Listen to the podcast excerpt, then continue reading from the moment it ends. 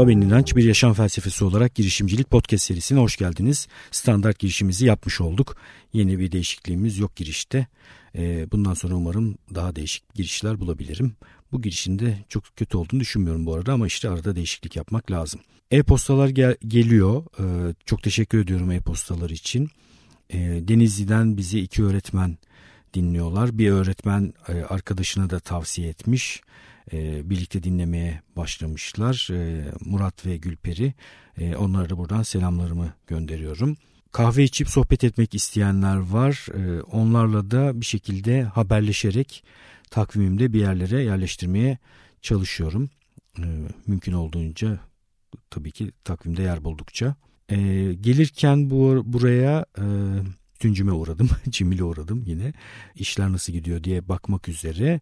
Biraz sohbet ettik. E, siteyi bitirmek üzereymiş. Sürekli üzerinde çalışıyormuş. E, ben de ona bitme tarihini sordum. Çoğunlukla böyle üzerinde çalıştığımız şeylerin bir bitirme tarihi olmazsa bitirmiyoruz.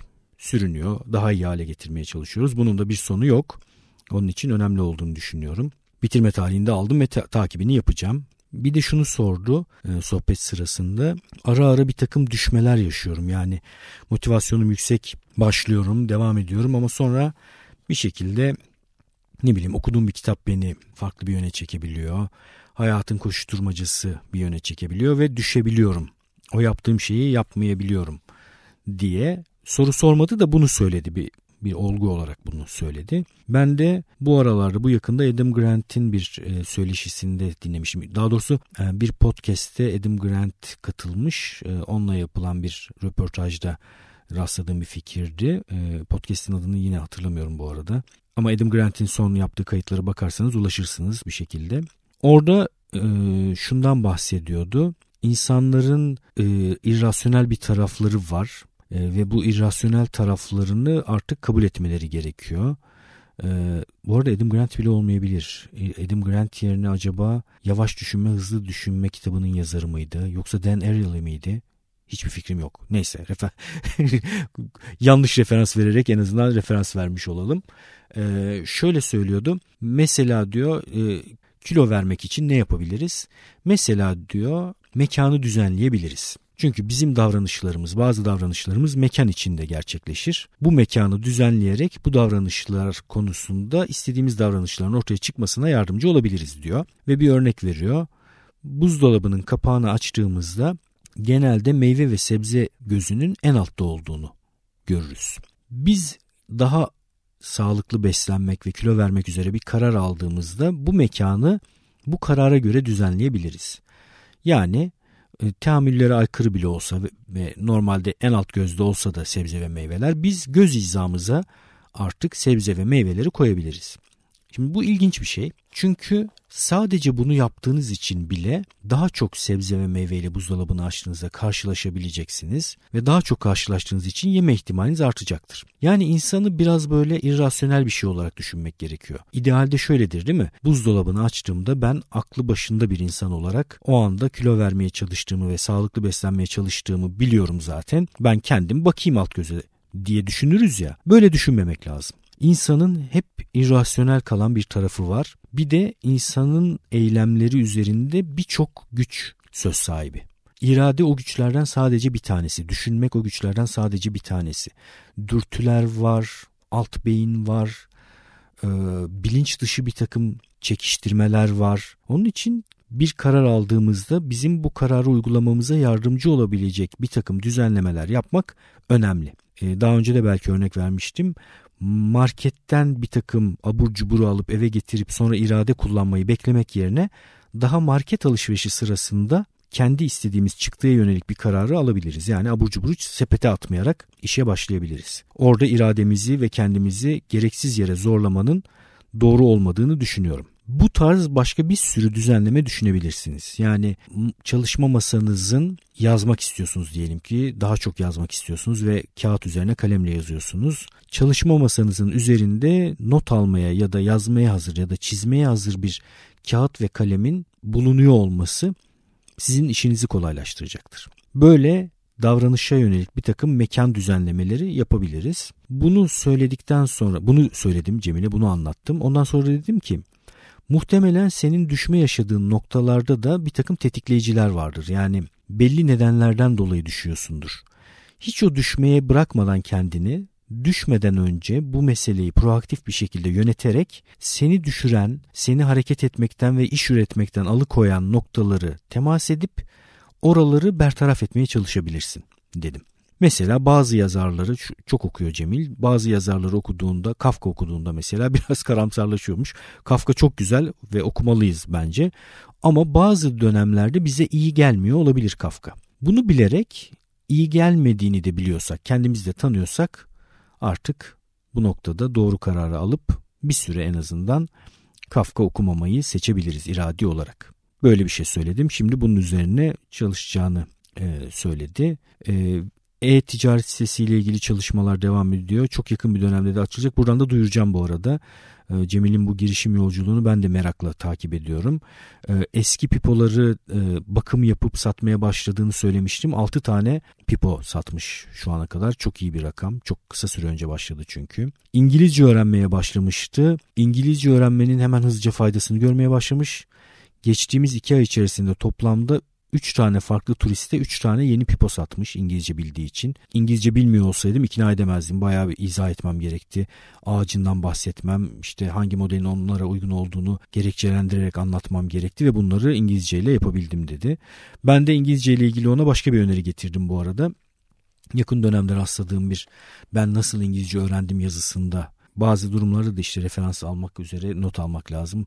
Bunu da not almadığımı fark ediyorum şimdi defterimde. Ee, orada şöyle bir şey söylüyor. Daha önce Tim Ferriss'te de rastlamıştım bu fikre. Bir dilde çok sıklıkla kullanan, kullanılan bir takım kelimeler var. Yaklaşık 2000 tane kelimeyi eğer ezberlerseniz o dildeki yazılmış ve konuşulan metinlerin %80'ini anlar hale geliyorsunuz.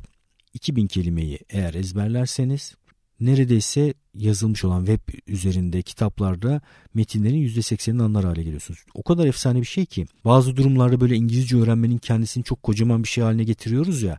Yani ne nereden başlasam, nasıl gitsem, nerede kaybolsam diye böyle bakınıyoruz. Hiç onlara gerek yok. Buradan başlayabilirsiniz mesela. 2000 tane kelimelik kelime kartları oluşturun. Bunu öneren kişi öyle yaptığını söylüyordu. Anahtar nokta şu. Kartların arkasına Türkçe yazmayın. İngilizce kelimenin karşılığını. Çünkü kendi dilinize ne kadar çok dönerseniz e, o diğer dili öğrenmeniz o kadar zorlaşıyor. Ya bildiğiniz kadarıyla kendi İngilizcenizle kelimeyi tarif edin ya da çizin demiş. Resmini yapın. Baktığınızda anlayabilin. Böyle böyle yaparak işte yanınızda 50 kart dolaştırmaya başlayıp kartı çekin, kelimeyi tahmin etmeye çalışın, Bilemezseniz destenin arkasına atın. Bilirseniz başka bir cebinize koyun. Böyle 50 kart 50 kart yavaş yavaş 2000 kelimeyi tamamlayın mesela. İnsanların önünde önemli bir bariyerdir kelime sayısının eksik olması. Böylece çok önemli bir bariyeri halletmiş olursunuz. Ondan sonra gelişiminizi İngilizce açısından yavaş yavaş sürdürürsünüz diye düşünüyorum. Ben de böyle bir şey önermiş olayım. Ee, bu hafta e, Bursa'da bir eğitime gittim. E, stratejik zaman yönetimi üzerine bir fabrikanın yöneticilerine bir eğitim verdim. Ee, Alman bir koltuk, otobüs, uçak, tren koltukları üreticisi bir e, firmanın FKT isminde isim vermenin bir sakıncası yok. FKT'nin e, yöneticilerine stratejik zaman yönetimi eğitimi verdim. E, eğitim sırasında ben tabii hep çocuk yetiştirmeden de bir şekilde bahsediyorum fayda gördüğüm için. Cen, Cenker e, orada çalışanlardan yöneticilerden biri Cenker Aynı zamanda offroad yapıyor kendisi. Çok keyifli bir şekilde bir kamyoneti e, offroad canavarı haline getirmiş. Cenkere de buradan selamlar söylüyorum. E, Cenker de kahve sohbetleri sırasında da üzerinden konuştuk. Çünkü şu anda 2 yaşında bir çocuğu var. Ee, biraz telefon ve tablet ekranıyla çocuğu buluşturduğunu söylemişti bana. Ben de 3 yaşa kadar yok, sıfır, hiç yok. Sıfırdan kastım bu. Yani 3 yaşına kadar sıfır. Yani tabii yani ufak tefek bir takım şeyler olabilir. Ediz'le de mesela bizim artık şöyle iki buçuk yaş civarına geldiği için bir takım şeylerimiz başladı. Cep telefonu üzerinden çok kısa süreli. Orada da müzik e, dinletiyoruz. Andre Rio'yu çok seviyor. Keman amca diyor kendisine. Keman amcadan ona küçük 3-5 dakikalık bir video izletiyoruz. Burada önemli olan şu müzik tercih etme nedenimiz şu daha doğrusu. Görsel olarak çok fazla onu uyaran bir şey olmaması önemli. Çizgi filme hiç bulaşmıyoruz. Bulaştığınız anda oradan geri çıkmanız çok zor. Ya da görsel dil kullanan reklam gibi şeylere yine hiç bulaşmamak lazım. Ama bir konser, Andre Rio'da çok keyifli bu arada konserleri e, çok çocukların da keyifle takip edebileceği bir müzisyen. Andre Rio konserlerindeki bir takım parçaları mesela dinletiyoruz. Bu tarz şeyler yapabilirsiniz. O kadar sıfır derken de böyle sıfır sıfır demiyorum ama iki yaşa kadar bayağı sıfır. Hiçbir şey göstermemek lazım. İki buçuk yaştan itibaren çok dozunda böyle 5-10 dakika falan bir şey gösterilebilir. 3 yaştan sonra yine sınırlı bir şekilde sınır koyarak çünkü artık sınır koyabileceğiniz bir hale geliyor. Başlayabilirsiniz. Şunun için anlattım bunu. Cenker bir fotoğraf göndermiş. Oğlu sayfa üzerinde bir takım çizimler yapıyor. Tableti kapattık boya yapıyoruz diye bir şey göndermiş. O kadar mutlu oldum ki bu şeye bu fotoğrafı gördüğümde. Yani e, düşünebiliyor musunuz işte en nihayetinde beyin gelişimini tamamlamaya çalışan bir çocuk ve bir eğitim sırasındaki bir sohbetten yola çıkarak ailesi şu anda onun beyin gelişimine yardımcı olacak bir yönü tercih etmiş oldu. Bu gerçekten çok sevindirici bir şey. Ee, bir de 30 milyon kelime kitabını önerdim kendisine tabii ki. 0-3 yaş arası çocuğu olan herkese önerdiğim şekilde ona da önerdim. Size de aynı şekilde bu kitabı önermek istiyorum. Ee, kesinlikle hayatınıza katmanız gerektiğini düşündüğüm kitaplardan bir tanesi. Ee, yine o, e, harekete geçmek ve işte o hareketi sürdürmek üzerine konuşmak istiyorum. Pieter'den daha önce size bahsetmiştim. Hollandalı bir girişimci özelliği şu tek başına çok önerilmez ama bunu başarıyor. Tek başına bir takım girişimlere kalkışarak bu girişimleri hayata geçirmeye çalışıyor ve bunu da başarıyor. Pieter'in bir tweetinde attığı bir tweette gördüm. Birisi sormuş işte bir girişime kalkışmak istiyorum. Bana beş maddelik bir şey önerir misiniz? Ne yapayım? Nasıl yaklaşayım bu meseleye diye sormuş. Pieter de beş tane maddeyi şöyle alt alta yazmış. Aynı kelime ship, ship, ship, ship. Yani teslim et, ver bir şeyleri tamamla anlamında. Seth Godin'in de Ship diye bir kitabı vardır hatta. Yani ne yapıyorsan onu bitir teslim et, gönder anlamında bir kelime. Beş tane aynı kelimeyi yazmış. Yani her ne yapmaya çalışıyorsan sürekli bir şekilde ve istikrarlı bir şekilde üretip tamamla kurtul, gönder şeklinde devam etmesi gerekir. Başka türlü zaten e, çok kolay olduğunu düşünmüyorum. Genelde bizi bu tarz şeylerde hareketten alıkoyan fikri iyileştirmeye çalışmaktır. Yani fikri düşünürsünüz, onu daha iyi hale getirmeye çalışırsınız. Bugün Cemil'le yaptığımız sohbet sırasında da e, geçti. Cemil hatta şöyle bir şey söyledi. İşte fikri düşünüyorsun, sonra daha iyisini düşünüyorsun. Fikir, fikir, fikir, fikir. Fikir düşünerek bir miktar iyileştirilebiliyor ama en büyük iyileştirmeyi yaparak yapıyoruz dedi ki çok doğru. Fikri hemen hızlıca hayata geçirmek, sonra onun üzerinde o hayata geçtikten sonra bir takım iyileştirmeler yapmak gerektiğini düşünüyorum. Yani ısrarla sürekli vazgeçmeden bir şeyleri yapmaya devam etmenin gücünün çok önemli olduğunu çok söyledim gerçi.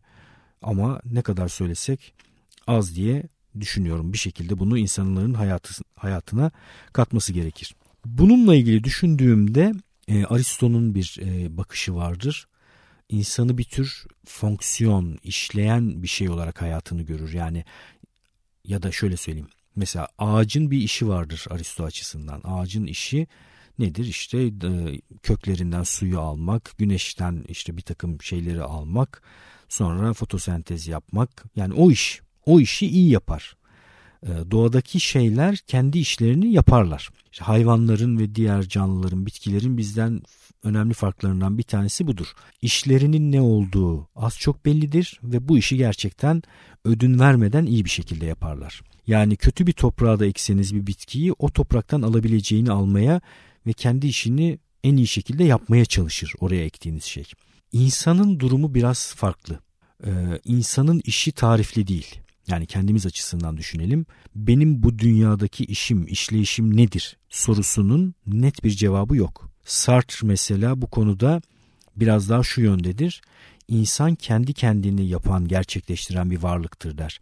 İnsanın e, doğuştan gelen bir özü yoktur diye iddia eder. Bazı idealist görüşler, felsefi görüşleri de der ki insanın doğuştan gelen bir özü vardır ve bu özü açığa çıkarması gerekir. Özcü bakarlar meseleye. Sartre bunun karşılığı olarak şöyle düşünür. Böyle bir özden bahsedemeyiz. İnsan bu şeyi, insan olmayı kendisi yavaş yavaş yaparak, yaşayarak kendisi gerçekleştirir diye söyler. İşte bir insanın kendi işini keşfetmesi dediğimiz şey mutlak bir cevabı olan soru değil. Bence öyle değil yani. Ama şunu biliyoruz. Bir çıktıya yönelik olarak çalışmak yerine belli bir parayı kazanmak, işte işte belli bir mevki elde etmek gibi şeyler yerine çünkü bunlar fonksiyon değil. Daha çok kendi yaşamını bir makine gibi düşünüp adeta e, o yaşamın kendisinin nasıl olacağını tarif etmeye çalışmak daha değerli. Ekonomik değer ve diğer tür değerler bunun arkasından gelirse daha iyi sonuç alırız. Yani ben nasıl bir tür günü geçirmeyi seviyorum bunun üzerine düşünmek lazım. Yani bugünün içerisinde ne tür şeyler var, ne tür problem çözmeler var. Bir ürünü ortaya çıkarmayı mı seviyorum? İşte ne bileyim ayakkabı yapmak gibi daha zanaatla ilgili bir şey mi seviyorum? İnsanları geliştirmeyi mi seviyorum? Yani benim hayatım bir gününü düşünecek olursak nasıl bir gün olması benim için keyifli olur? Yani bir iş yerine gidip o mekanı açıp orada sürekli çalışmak beni mutlu eder mi? Yoksa sürekli ülke ülke gezen biri mi olmalıyım? Bilemiyorum tabii ki bunu insanın keşfetmesi lazım. Bunun için de bence küçük testler yapılabilir. Yani bir şeyi bir şeye kalkışmadan önce startup kurmak çok zor bir iş. Büyük bir iş. Ee, hiç bu işe kalkışmadıysanız önce bir küçük girişimle başlanabilir. Girişim de kendi başına zorlukları olan bir şey, riskleri olan bir şey. Bunu da yapamıyorsanız kendi hayatınızın her bir gününü nihai olarak bir çıktıya bağlarsanız günün kendisini bir tarihe bağlarsanız yani işte ne bileyim 6 ay sonra ortaya çıkacak bir şeye bağlayabilirsiniz. Bir ürün ya da hizmete bağlayabilirsiniz. Bir sanat eserine bağlayabilirsiniz. Ama bu her gün size bir takım işler üretiyordur bu düşündüğünüz şey.